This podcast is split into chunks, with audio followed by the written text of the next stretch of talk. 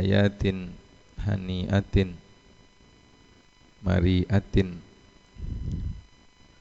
tahta dhilli hifdhihi wa kanafihi. Salatu wassalamu ala man ba'athahu Allahu rasulan wa nabiyan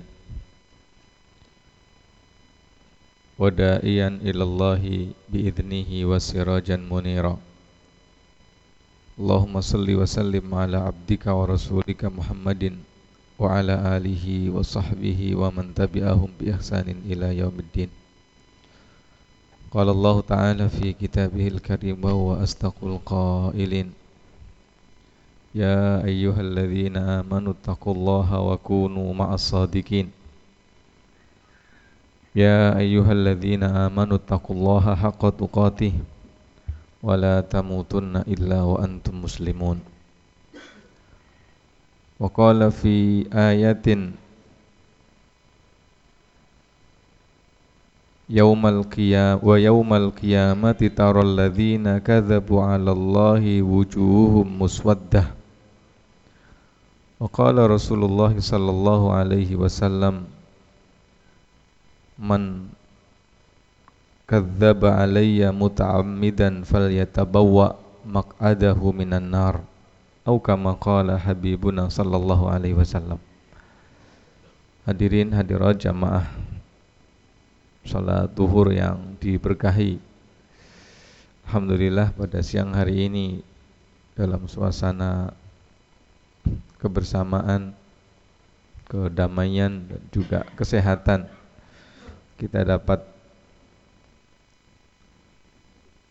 meluangkan waktu di tengah-tengah kesibukan menyelesaikan tugas-tugas komitmen-komitmen adami. Kita hadir di sini untuk melaksanakan tugas komitmen ilahi melaksanakan salat zuhur dengan berjamaah. Dengan diteruskan untuk mengambil beberapa faedah dari ayat-ayat Allah Subhanahu wa taala yang terhimpun di dalam kitab Al-Kabair yang disusun oleh Imam Az-Zahabi. Mudah-mudahan semua aktivitas yang kita lakukan diterima oleh Allah Subhanahu wa taala, dicatat sebagai modal kebaikan yang dapat berfaedah bagi kehidupan kita pada masa yang akan datang. Kita berdoa mudah-mudahan Allah memberikan kekuatan kepada para apa disebutnya pimpinan kita, perusahaan kita, tim leader kita dan semua yang hadir di sini bisa di, diberikan kekuatan untuk menjalankan, menyelesaikan apa KPI, KPI ini sudah di triwulan yang keempat semester yang kedua, paruh yang kedua dari semester yang kedua. Mudah-mudahan diberikan kekuatan untuk dapat menyelesaikan semua target-target yang telah ditentukan di awal. Bagi yang sakit, mudah-mudahan diberikan kesehatan, diberikan kesabaran, dan ditemukan. Bapak, ibu-ibu yang saya muliakan, tema yang siang hari ini akan kita baca adalah tentang berdusta atas nama Allah Subhanahu wa taala dan atas rasulnya. Jika prinsipnya agama ini dibangun atas dua pilar utama, Al-Quran dan hadis, maka apa pun pembicaraan, apa pun tema, diskusi tentang agama, itu harus didasarkan di atas keduanya. Jika masdar asasi yang pertama adalah Quran dan yang kedua adalah Al-Hadis, kadang disebut dengan sunnah. Maka yang tidak boleh dilupakan adalah sumber utama daripada Quran itu adalah Allah. Dan begitu juga hadis itu dari Rasulullah. Sehingga ketika kita bicara tentang Islam tema apa pun itu tidak boleh keluar daripada tema Allah dan Rasul. Apa yang diperkatakan oleh Allah dan Rasul yang terkandung di dalam Al-Quran dan Sunnah Nah, prinsip dan fondasi inilah yang harus dijaga. Sehingga kalau rumusan ini dilanggar, maka dia akan mengganggu. Sehingga Imam Az-Zahabi memasukkan orang yang berbicara tentang agama atau mengatasnamakan Allah dan Rasulnya tetapi sesungguhnya Allah dan Rasulnya tidak berkata demikian maka dia disebut sebagai dosa besar. Nyatut. Ini kita bicara dulu kenapa berdusta atas nama Allah itu dosa besar. Alasan yang pertama karena berdusta itu sendiri itu sudah dosa kan Nah ini sekarang berdustanya atas nama Allah. Ya, Jadi Jadi double. Kalau ada orang nyatut nama kita Untuk keperluan yang tidak baik Dan mungkin kalau baik pun kita enggak restu dengan pencatutan itu Sudah jadi masalah besar bagi anak Adam. Nah apalagi kalau seandainya ada seseorang berbicara tentang Al-Quran, bicara tentang As-Sunnah, bicara tentang Islam, mengatas mencatut namanya Allah dan Rasul, padahal dia tidak buat. Padahal Nabi tidak menyampaikan dan Allah juga tidak menfirmakan. Ini backgroundnya. Kenapa Imam Adhabi memasukkan, mengkategorisikan orang yang berdusta atas nama Allah ini dosa besar. Beliau memulakan dengan firman Allah Subhanahu wa taala yang terkandung di dalam surah Az-Zumar ayat 60. Wa yaumal qiyamati dan pada hari kiamat kelak taral ladzina kadzabu 'ala Allah kau akan melihat orang yang mendustai Allah atau berdusta atas nama Allah wujuhuhum muswaddah. Mukanya itu hitam.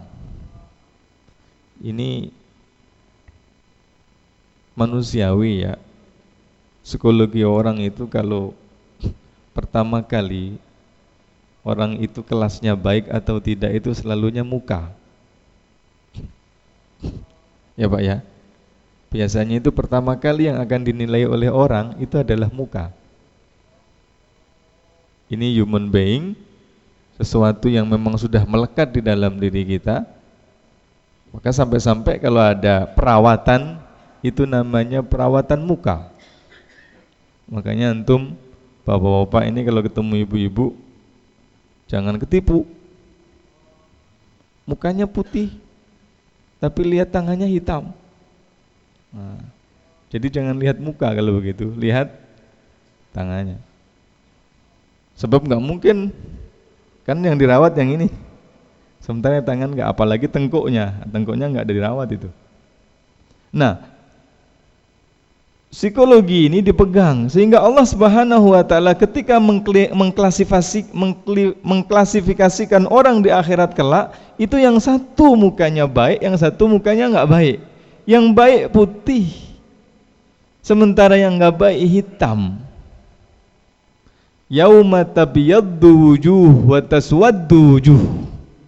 Ini surah Ali Imran. Nanti di hari kelama kiamat nanti itu ada golongan orang yang mukanya itu tabiyaddu abiyat itu putih putih. Ini bisa jadi bisa jadi dan sangat mungkin begitu maknanya meskipun Bilal bin Rabah itu orang Ethiopia Habasyah orang negro tapi pada hari itu dia menjadi putih. Yauma tabiyaddu wujuh. Dan pada saat yang sama wataswaddu wujuh.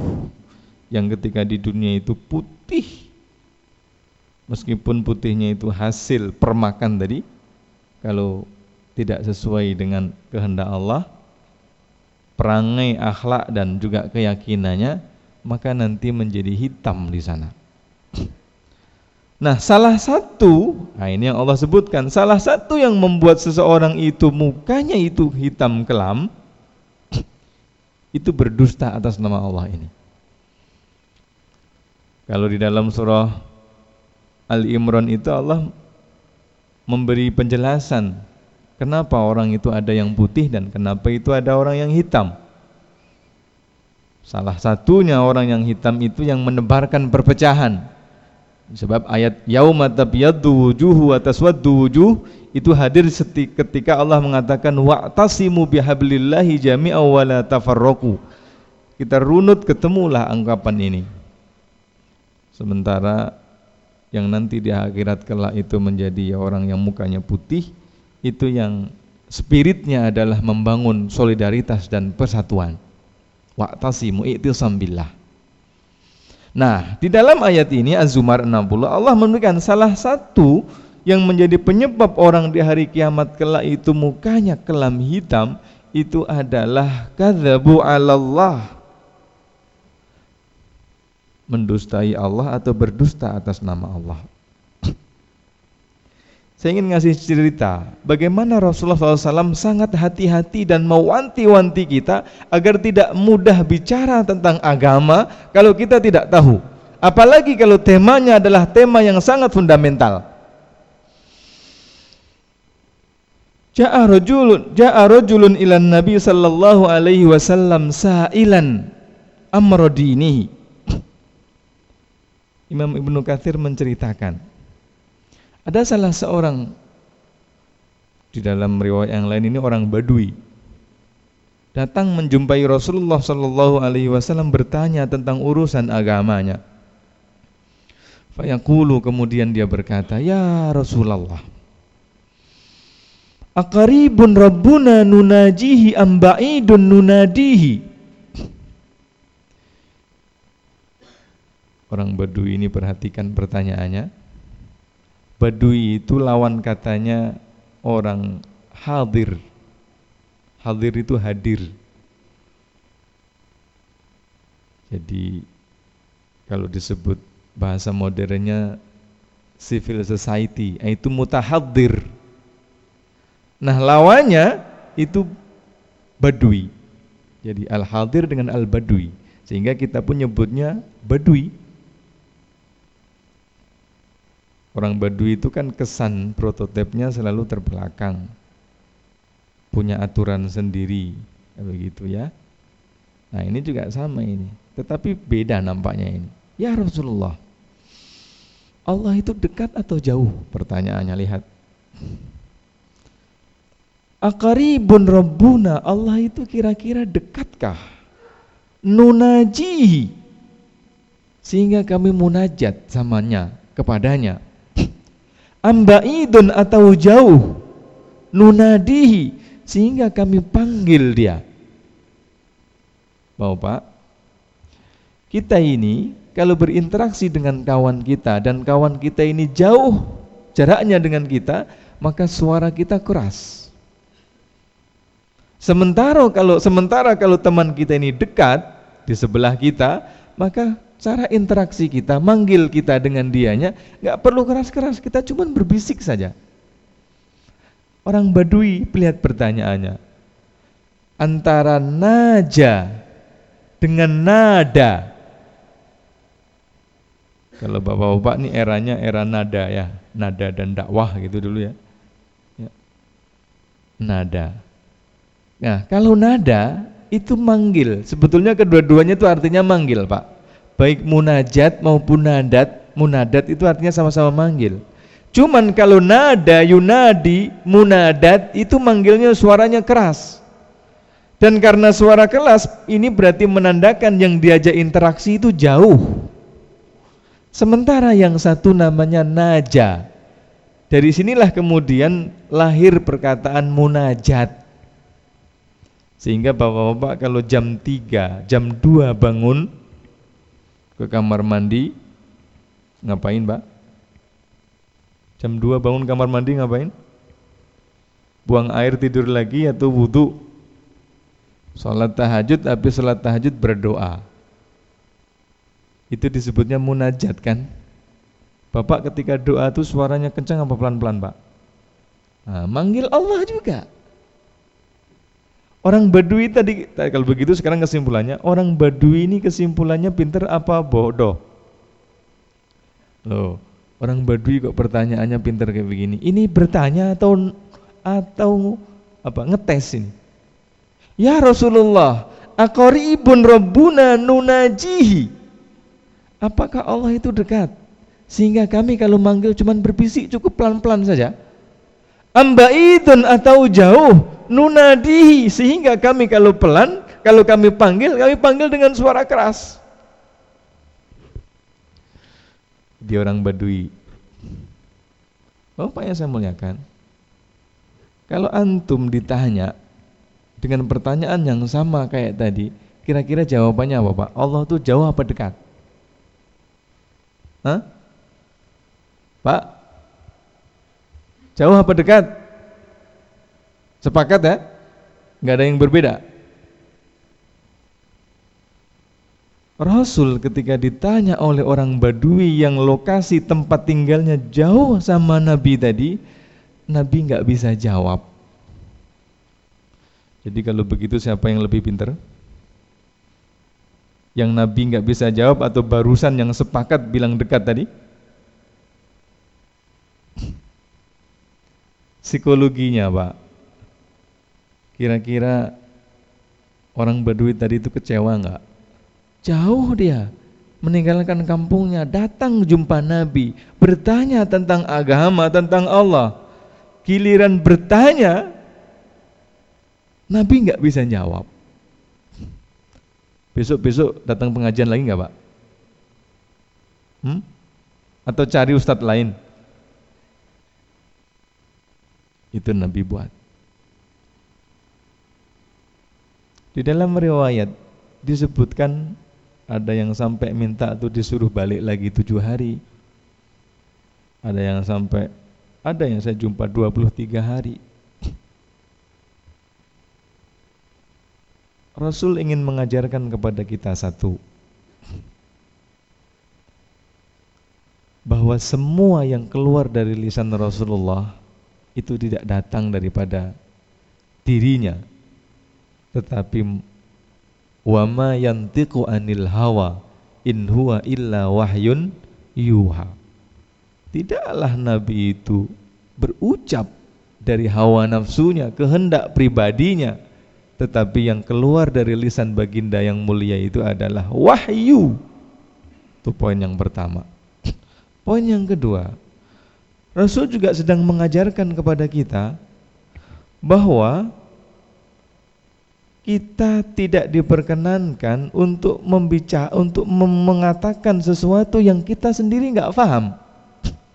Apalagi dalam persoalan tentang Allah. Ah, ini poinnya. Kalau normalnya kan wala taqfu ma bihi ilm. Jangan kamu ngambil posisi yang kamu nggak paham, kamu kenapa kamu ngambil posisi itu?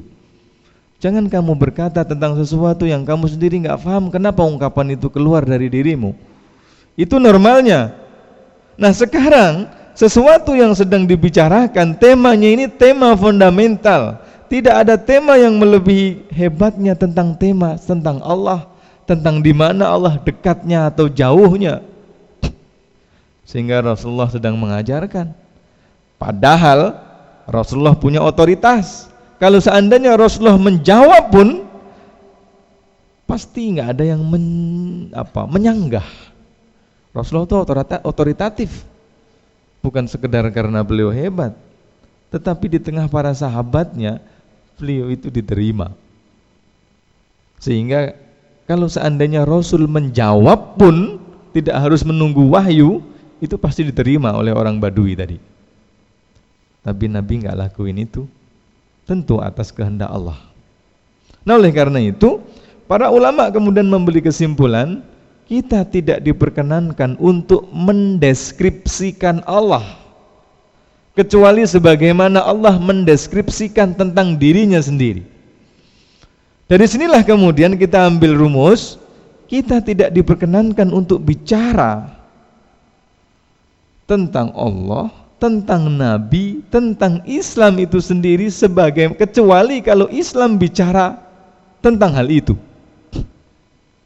Nah, makanya tadi dari awal saya bilang mencatut, jadi mencatut nama Allah, untuk melakukan sesuatu yang sesuatu itu tidak per, tidak di approve sama Allah, ah, itu dosa besar. Dari sini kemudian kita juga para ulama sepakat tidak diperkenankan kita ini menggambar mukanya Nabi. Mungkin ada orang yang pandai melukis, saking hebatnya melukis, kemudian dia gambarkan muka, nggak diperkenankan. Kenapa? Sebab semua hal yang berkaitan dengan Nabi itu harus berdasarkan riwayat yang terverifikasi dan riwayat yang sudah tervalidasi. Ya, sekarang ada nggak cerita yang menunjukkan bagaimana penampakan Nabi, perawakan Nabi?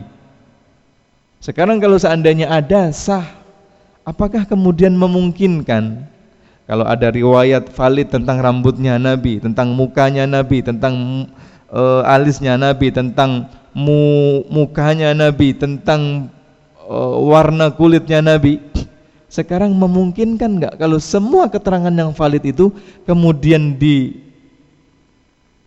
sebuah gambar sehingga pada final endingnya disimpulkan beginilah perawakan dan bentuk muka Nabi. Enggak bisa. Oleh karena itu para ulama kalau ada film-film Islam sekalipun tetap tidak mungkin itu ada gambar yang bisa mengasosiasikan bagaimana itu Nabi. Kenapa? Karena persoalan ini.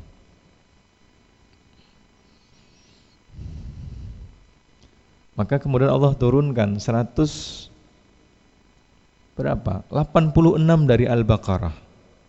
Wa idza sa'alaka ibadi anni fa inni qarib ujibu da'watad da'i idza da'an.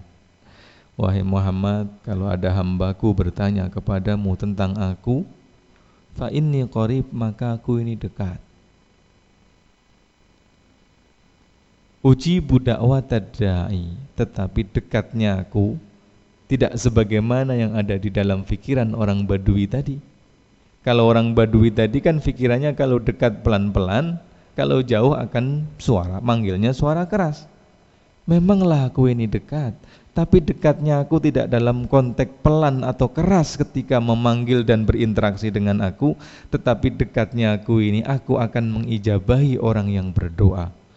Jadi Allah juga ngasih pesan di sini, Bapak. Allah Subhanahu wa taala ingin menjelaskan dengan wahyunya ini Allah tidak mengikuti pola pikir yang dibangun oleh orang Badui. Orang Badui kan pola pikir yang dibangunnya kalau dekat pelan-pelan, kalau ia jauh, maka aku akan suara keras. Mestinya kan jawabannya, ya aku dekat. Sehingga kalau sehingga kamu kalau ingin berdoa, berinteraksi, berkomunikasi dengan aku pelan-pelan saja. Kan gitu semestinya.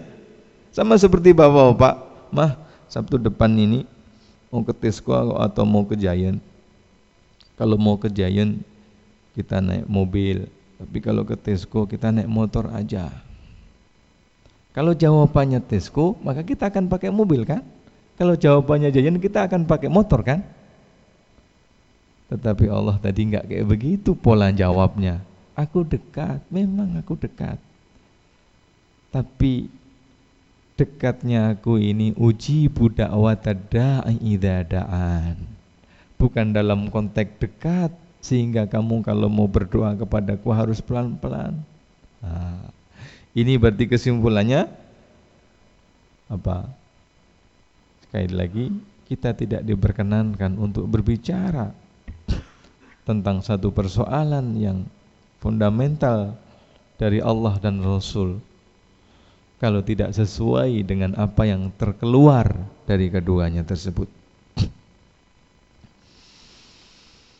Qala Ibnul Jauzi Ibnul Jaizi berkata fi tafsirihi di dalam tafsir ayat berkenaan tadi Waqad dhahaba ta'ifatun minal ulama'i telah berpendapat sebahagian dari kalangan para ulama ila annal kadhiba 'ala Allahi wa 'ala rasulihi kufrun bahwa sesungguhnya berdusta atas Allah dan berdusta atas Rasulullah Subhanahu wa taala itu kufur, kufrun kafir yankulu anil millah yang bisa membuat seseorang itu berpindah keyakinan agamanya.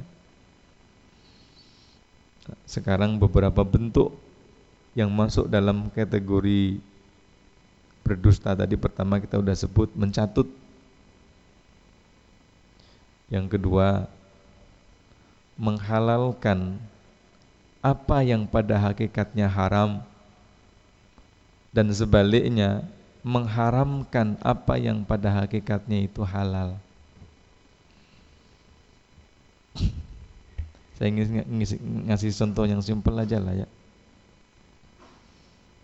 Kalau ada orang maaf laki perempuan melakukan hubungan badan tanpa melalui pintu pernikahan itu namanya apa Pak?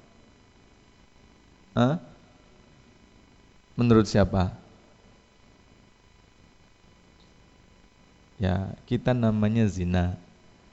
Tapi kalau kita lihat menurut hukum apa pun itu ilegal.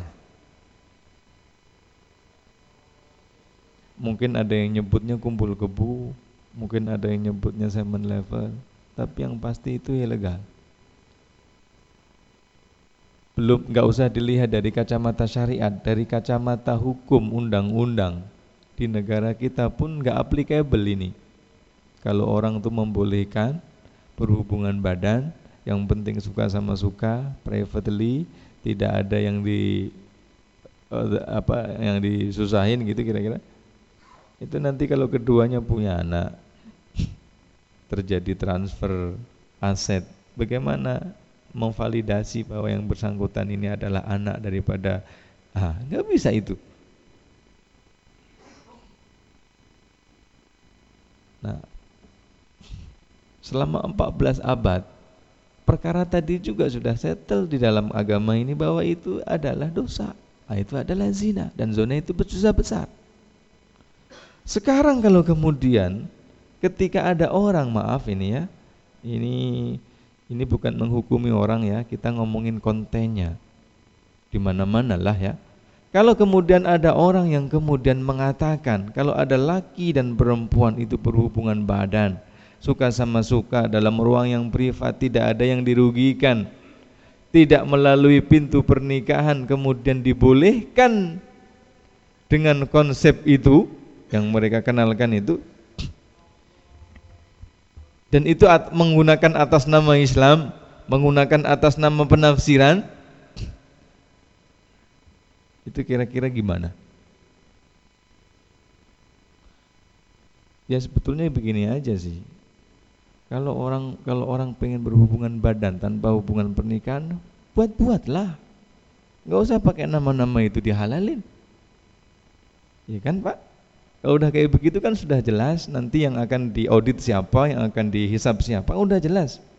Tapi kalau kemudian mengatakan itu boleh menurut atas nama Islam, menurut atas nama Allah dan Rasulnya, ini kan berarti udah double-double persoalannya. Ya, sebetulnya kalau ingin menghalalin itu ya halalin saja, silakan aja. Tapi kalau sudah menyebut atas nama itu boleh dengan konsep pendekatan tafsir, ah, inilah yang jadi bermasalah.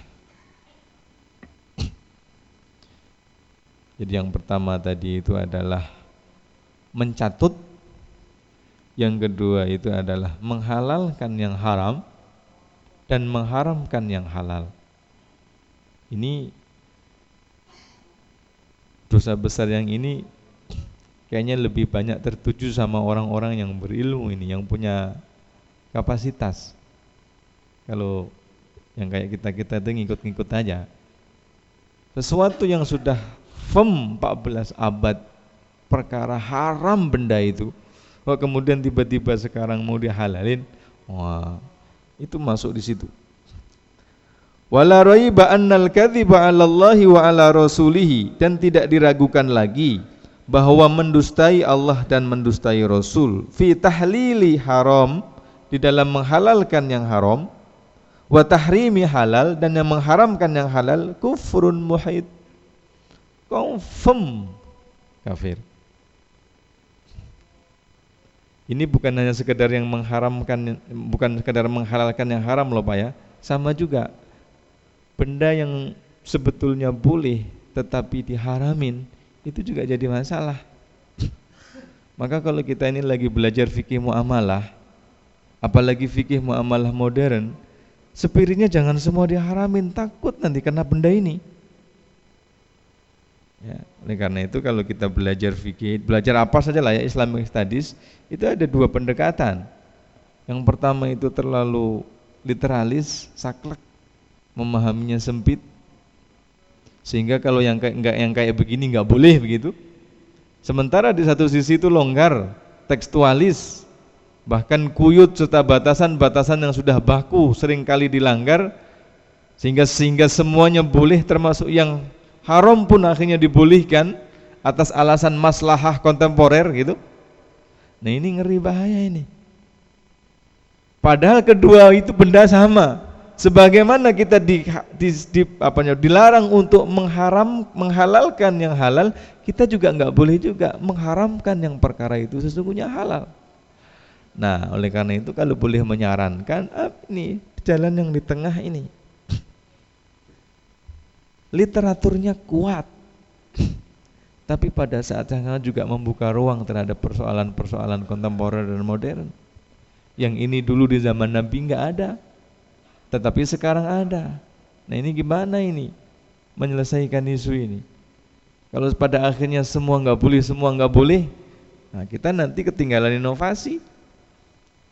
Tapi pada saat yang sama juga tidak semua inovasi kemudian diterima dan dibolehkan. Nah, ini konteksnya ke situ, Pak. Wa qala sallallahu alaihi wasallam, "Man kadzdzaba alayya barang siapa Nabi sekarang bersabda, barang siapa yang berdusta atas nama saya."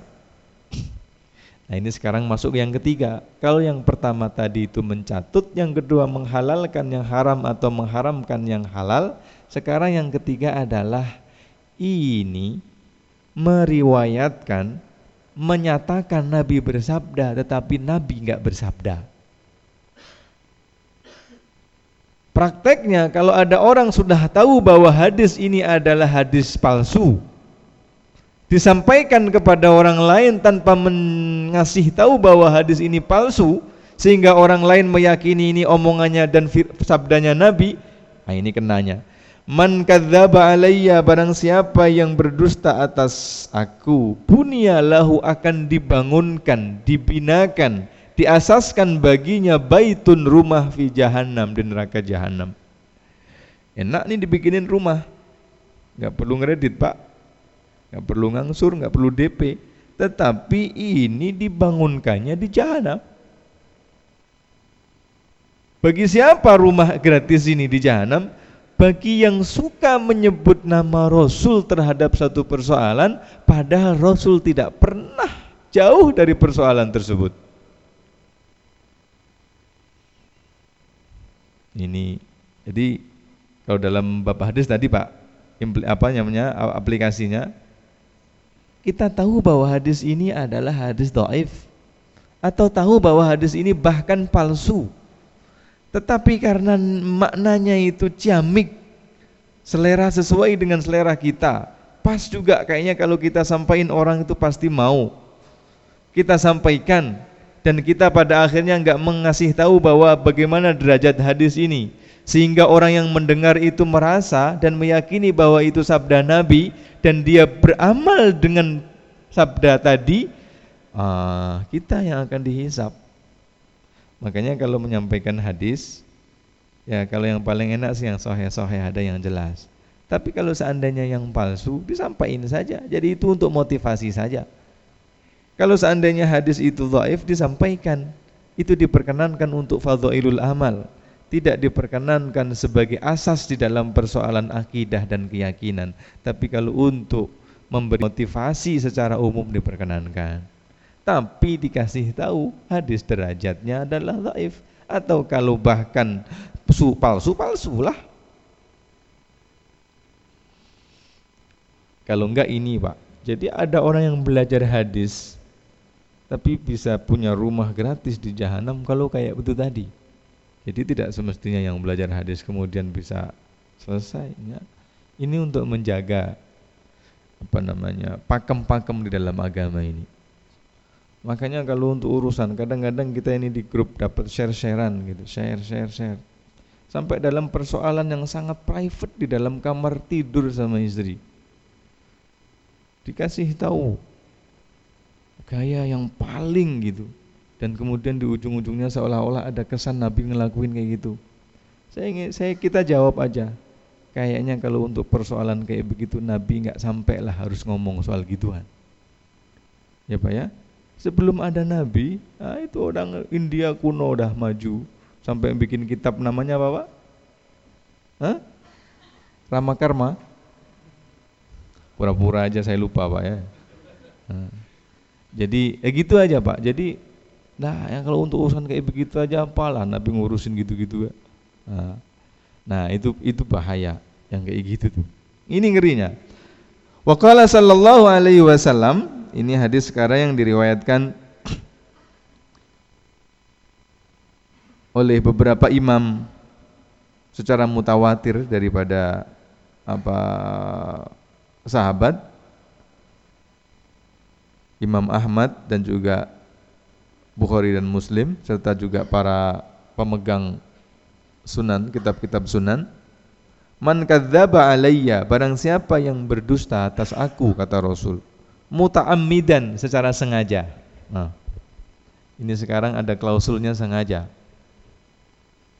Kalau yang tadi nggak ada muta'ammidahnya, sekarang dikasih klausul secara sengaja fal yatabawwa maq'adahu maka hendaklah dia mempersilahkan tempat duduk Mak'at itu tempat duduk ya, pokong nih. Minanar. Jadi ini siapa yang berdusta atas nama aku secara sengaja, silahkan dia memboking tempat duduknya di neraka nanti. Ini sekarang pakai booking pak. Kalau yang pertama tadi itu sudah dibikinkan, hingga ini saling melengkapi kalau orang nggak tahu kemudian ngasih tahu, ya lain cerita kalau dia nggak tahu. Tapi ini, kalau sekarang ini dia tahu, kemudian menyampaikan secara sengaja, bahkan disamarkan ini seolah-olah dari Nabi, nah ini yang diberikan tempat di neraka tadi. Man rawa anni hadithan. Ini disebutkan oleh Imam Muhammad dan juga Imam Muslim Barang siapa yang meriwayatkan daripada aku sebuah hadis hadisan wa huwa yara dan dia melihat annahu kadzib bahwa orang tersebut itu adalah berdusta hadisnya berarti hadis dusta fahuwa ahadul ka, fahuwa ahadul kadzibain maka dia salah satu daripada pendusta yang ada tadi. Ini alasan yang ketiga kenapa ini dosa besar karena ancamannya besar. Di awal kali dulu kita udah sebut salah satu yang mengkategori yang ter, yang menjadikan sebuah amalan dosa itu terkategori menjadi dosa besar adalah kalau ada ancamannya besar kalau hal itu melakukan. Dan ini besar. Yang pertama tadi jahanam, yang sekarang yang kedua namanya anar, yang sekarang sudah pendusta. Nah, sudah. Ada seterusnya, sedikit lagi Pak. Diriwayatkan oleh Imam Bukhari dan Muslim. Inna kadziban alayya. Sesungguhnya kedustaan atas nama aku laisa kakadzibi ala ghairi. Tidak sama seperti dusta sama orang lain. Jadi levelnya nggak sama. Sama lah Pak. Bapak itu ngadalin maaf nih maaf nih maaf nih. Bapak itu ngadalin OB dengan ngadalin general manager kan nggak sama Pak. Gitu kira-kira ya. Ya strata sosialnya kayak begitu sih. Yang yang biasanya mendapat rekognisi kan memang general manager. Sementara yang satunya dapat rekognisi tapi di bawahnya. Mungkin ngadalinya sama tetapi efek dan implikasinya sama atau beda pak nanti? Nah, dusta. Apa tadi nyatut nama orang itu dosa tapi kalau yang dicatut itu adalah Rasul beda. Nyerempet mobil orang juga begitu kan. Kalau yang diserempet mobilnya orang biasa, ya mungkin dia tanggung jawab tanggung jawab juga. Tapi kalau yang yang kita serempet ini adalah mungkin orang punya bintang, bintang berapa? Bintang tujuh. Ada emang? Hah? Atau yang kita serempet ini mungkin orang dekat dengan orang yang punya jabatan, lain cerita itu. Padahal mungkin geseknya sama, tapi beda cerita. Ah, ini juga sama. Dusta sama orang biasa dosa, tapi kalau dusta nyatutnya Nabi nggak sama. Inna kadziban alayya laisa kadzibi ala ghairi. Kedustaan ke atas aku nggak sama seperti kalau dusta sama orang lain. Faman kadzdzaba alayya mutabau mutaammidan, barang siapa yang mendusta ke atasku secara sengaja falyatabawwa maq'adahu minan nar. Sama dengan hadis yang potongan yang pertama tadi. Nah, ini jadi kita harus hati-hati.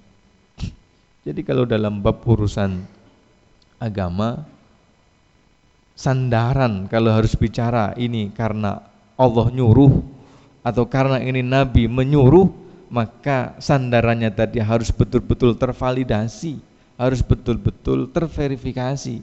Tapi kalau bab urusan keduniaan maya silahkan inovasi. Enggak usah nyebut-nyebut pakai itu, pakai Allah, pakai Rasul begitu.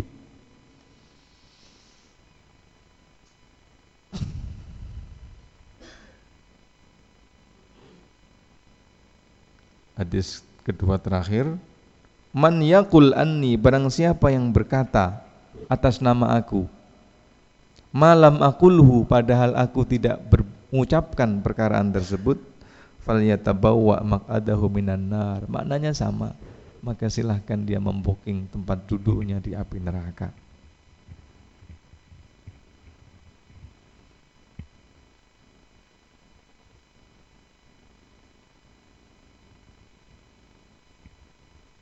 Yang terakhir?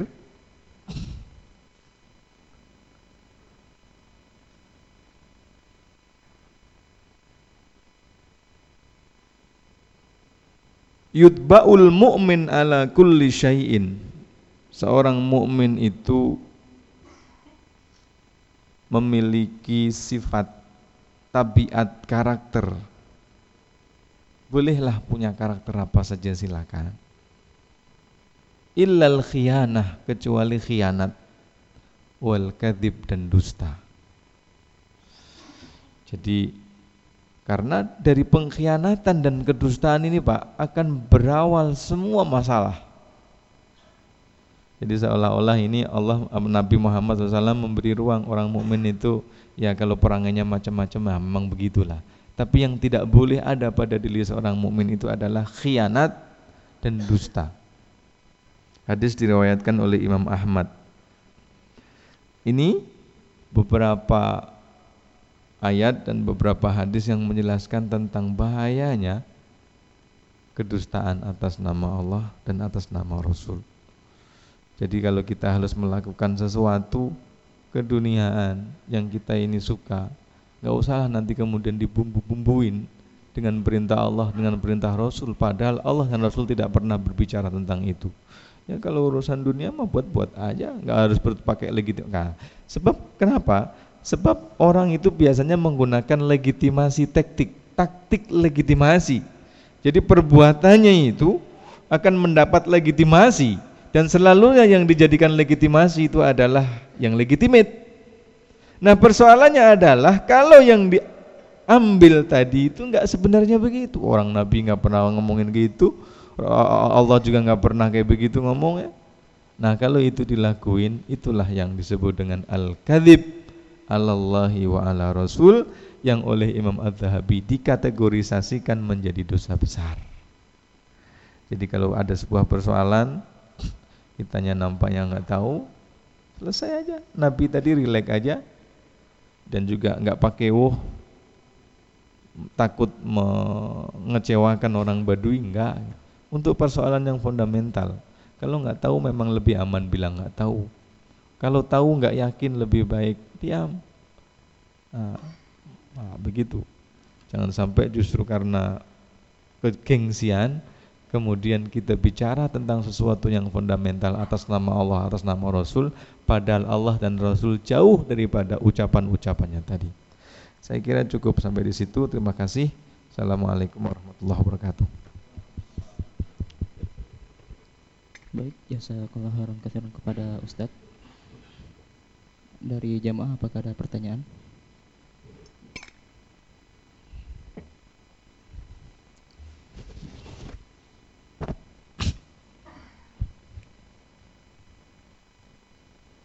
Assalamualaikum warahmatullahi wabarakatuh. Waalaikumsalam warahmatullahi Ustadz kalau Al-Quran kan udah jelas ya nggak akan berubah.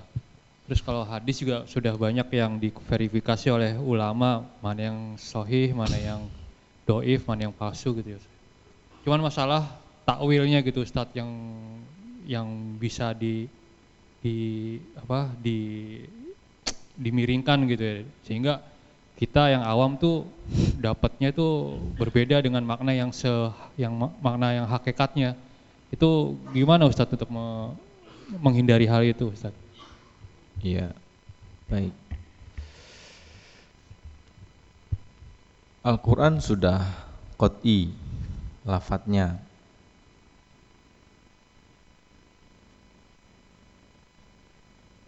Cuma dalalahnya ada yang kot'i ada yang tidak.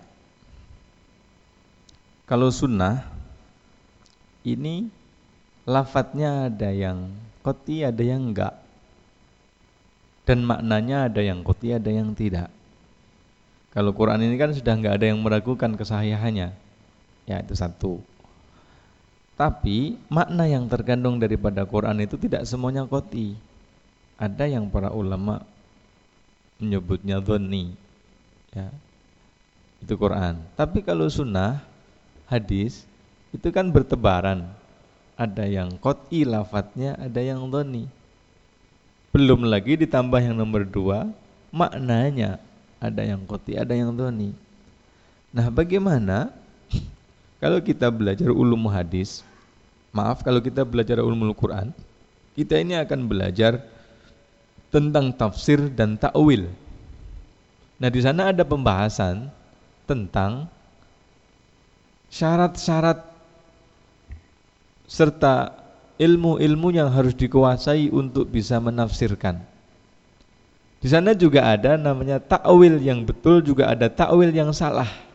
Sekaligus dikasih metodologi bagaimana seseorang, bagaimana menilai metode takwil yang baik dan metode takwil yang betul. Kalau saya kalau saya ini gampangnya begini, Pak. Untuk urusan yang enggak benar, ya untuk urusan untuk urusan yang nggak benar itu mudah sekali kedeteknya. Agama kita ini umurnya sudah 14 abad. Perkara-perkara yang sudah fix, confirm, itu sudah settle dan bertahan 14 abad. Jadi kalau ada persoalan-persoalan yang miring, sedikit tersamarkan, sedikit bahkan mungkin ada arah pengen disesatin, itu pasti akan segera kedetek.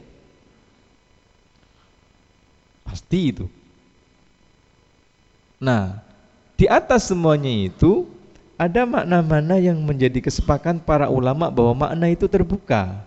Sehingga kalau dalam bab fikih kita ini memahami yang mu'tabar dipakai oleh orang seluruh dunia di dalam bab ya empat mazhab itu. Ini yang disepakati tentang keberagaman maknanya, fikih itu. Pada saat yang sama, di dalam bab tafsir misalkan, ada kitab-kitab ummahatul kutubi tafsir, ada masterpiece kitab-kitab tafsir, itu yang memang diterima oleh semua kalangan madhab.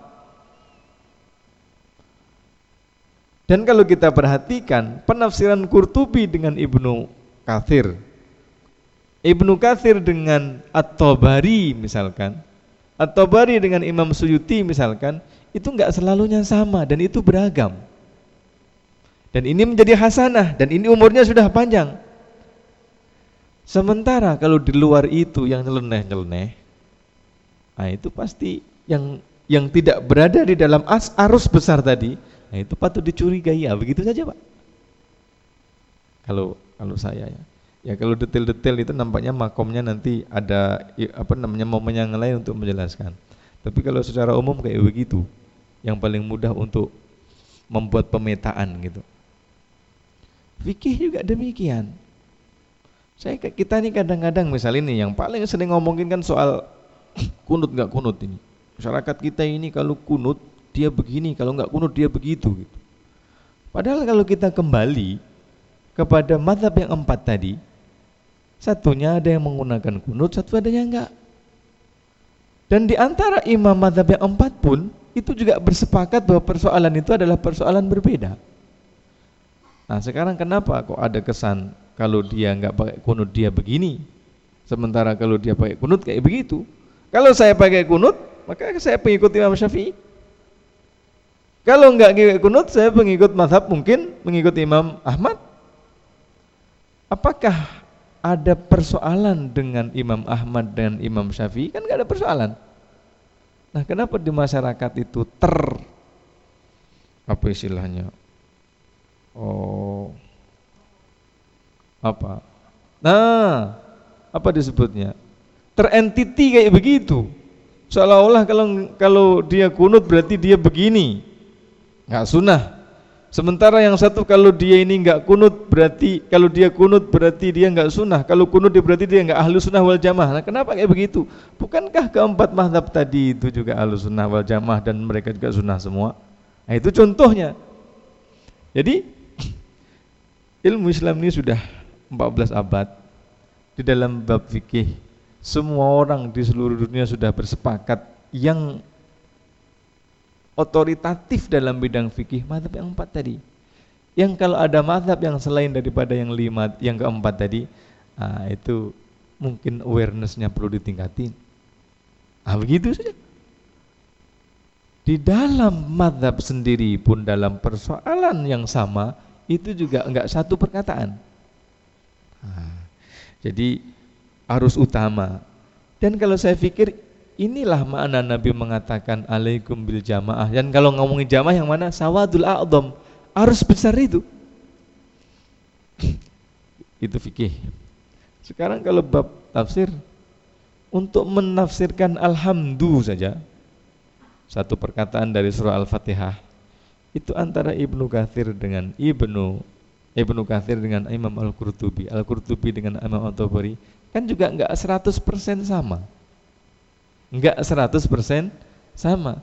Tetapi meskipun di antara ketiga, kita ngambilnya sampel tiga nih, seandainya meskipun ketiga mufasir ini berbeda di dalam memahami, tapi semua orang pun juga mengakui keotoritasan dari ketiga ulama tafsir tadi. Jadi kalau ada penafsiran yang berbeda dari berbeda dari yang arus utama tadi, maka awarenessnya ditingkatin. Makna yang enggak ada di para sahabat enggak dikenal. Tafsiran di kalangan tabi'in enggak dikenal. Tafsiran dari kalangan tabi'ut tabi'in enggak dikenal. Tafsiran tidak tercatat di dalam kitab-kitab tafsir yang mutabar tadi. Otoritatif tadi enggak terkenal. Tapi kok ada tafsiran lain nih kok sepertinya aneh. Ah, berarti awarenessnya ditingkatin. Nah, mudahnya begitu, Pak.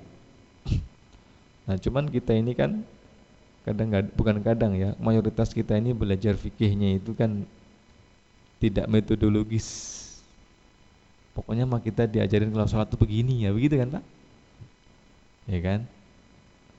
Hmm, bilangnya anti madhab tapi rupanya dia sholatnya berdasarkan kitab tipis itu.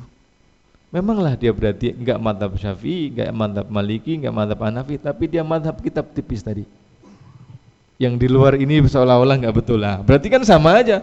Lu menolak madhab tapi kok pada saat sama membawa madhab yang baru. Nah, nggak boleh gitu dong. Nggak boleh gitu. Nah, itu dia persoalannya, Pak. Jadi ya tetap lagi kalau kita kembali kepada apa namanya ekspertis dan kepakarannya akan ketemu. Ya, saya juga bukan ahli fikih, nah, makanya juga nggak begitu berani kalau bicara tentang fikih yang lebih-lebih gitu. Nah, maka semestinya yang baik memang belajarnya pada pada faknya. Kita antum nih kan kadang-kadang, antum juga yang bikin masalah nih kadang-kadang. Antum nih kadang-kadang ustadz itu seolah bisa semuanya. Sehingga ngomongin tafsir dia juga, fikih dia juga, rumah tangga dia juga. Padahal dia itu dulu kuliahnya sejarah Islam. Ya, nah makanya bagus nih kalau seandainya ditingkatkan literasi. Jadi kalau ngundang ustadz itu disesuaikan dengan kepakarannya supaya metodologinya jelas. Ya kalau ustadz bisa bahasa Arab apa saja ya bisa lah mestinya. Tapi kan juga enggak.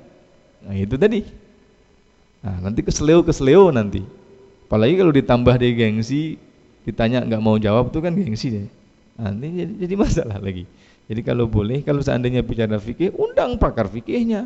Persoalan dia ormasnya apa terserah, yang penting dia bicara sesuai dengan kepakarannya, bukan soal keormasannya. Kalau bicara hadis ya panggil pakar hadisnya. Sebab sekarang kita ini hampir Sulit untuk menemui orang seperti Imam Syafi'i yang di dalam pribadinya ahli dalam semua bidang. Enggak ada. Kita ini Pak, kalau dokter pun Pak, dokter akhir zaman Pak. Iya Pak ya?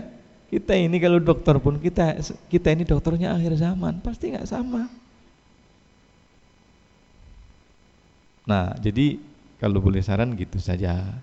Kalau ngundang fikih, ya dokter fikih beneran sehingga dia nanti bicaranya metodologis dan kalau betul biasanya dia ini dokter fikih beneran pakar fikih beneran meski apa pun eh, apa namanya mungkin warna ormasnya itu biasanya dia tetap sesuai dengan disiplin keilmuannya yang bermasalah ini yang biasanya magak-magak kayak begitu nah begitu aja pak mungkin saran saya baik Uh, ini ada satu pertanyaan lagi Ustaz dari online mungkin.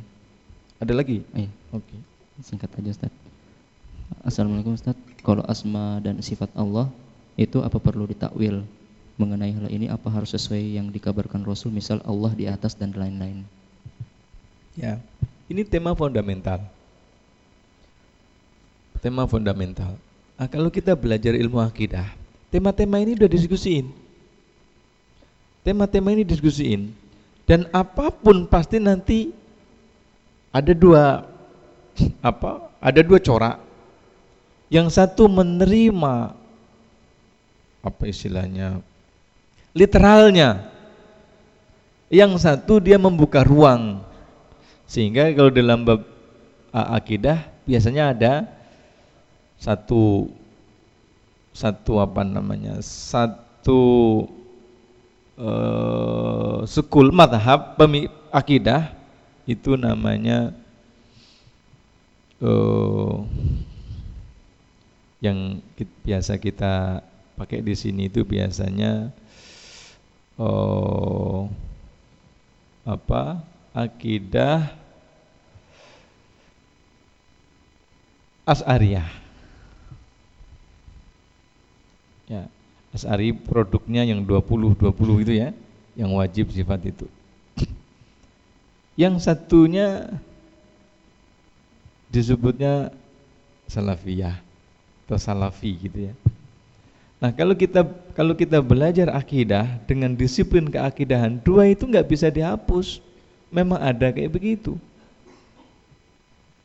Kalau kalau saya selalu berusaha untuk memahami di tengah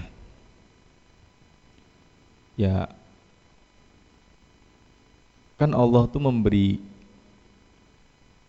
potensi akal. Kalau kita tidak diperkenankan bicara tentang tangannya Allah, nah, tapi kan Allah nyebutnya dullah. Kalau misalkan kita ini nggak boleh bicara tentang tentang apa namanya tentang penglihatan, tetapi kan Allah bicara tentang dirinya sendiri bahwa Dia itu basir.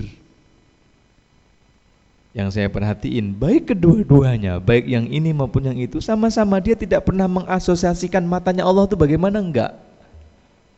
Cuman yang satu mungkin memaham yang satu memahami pokoknya basir mah basir aja lah. Bagaimana caranya pokoknya ah, begitu udah biasanya begitu. Yang satu yang disebut misalkan yadullahi ma'al jamaah itu kemudian ditakwalkan itu tidak berarti maknanya itu tangan tetapi maknanya adalah mungkin kekuasaan yadullahi ma'al jamaah mungkin bisa bermakna periayahan Nah ini takwilnya takwilnya bukan nggak jauh-jauh amat begitu kalau saya ngelihat.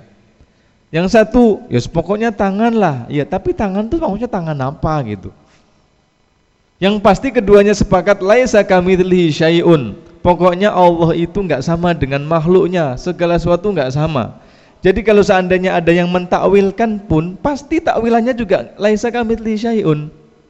Nah oleh karena itu mau memahami Allah itu dengan cara 20 yang wajib kemudian sifat wajib, sifat jais, sifat mustahil. Atau menggunakan pendekatannya itu rububiyah tiga, rububiyah uluhiyah maupun ulu, apa namanya sifat.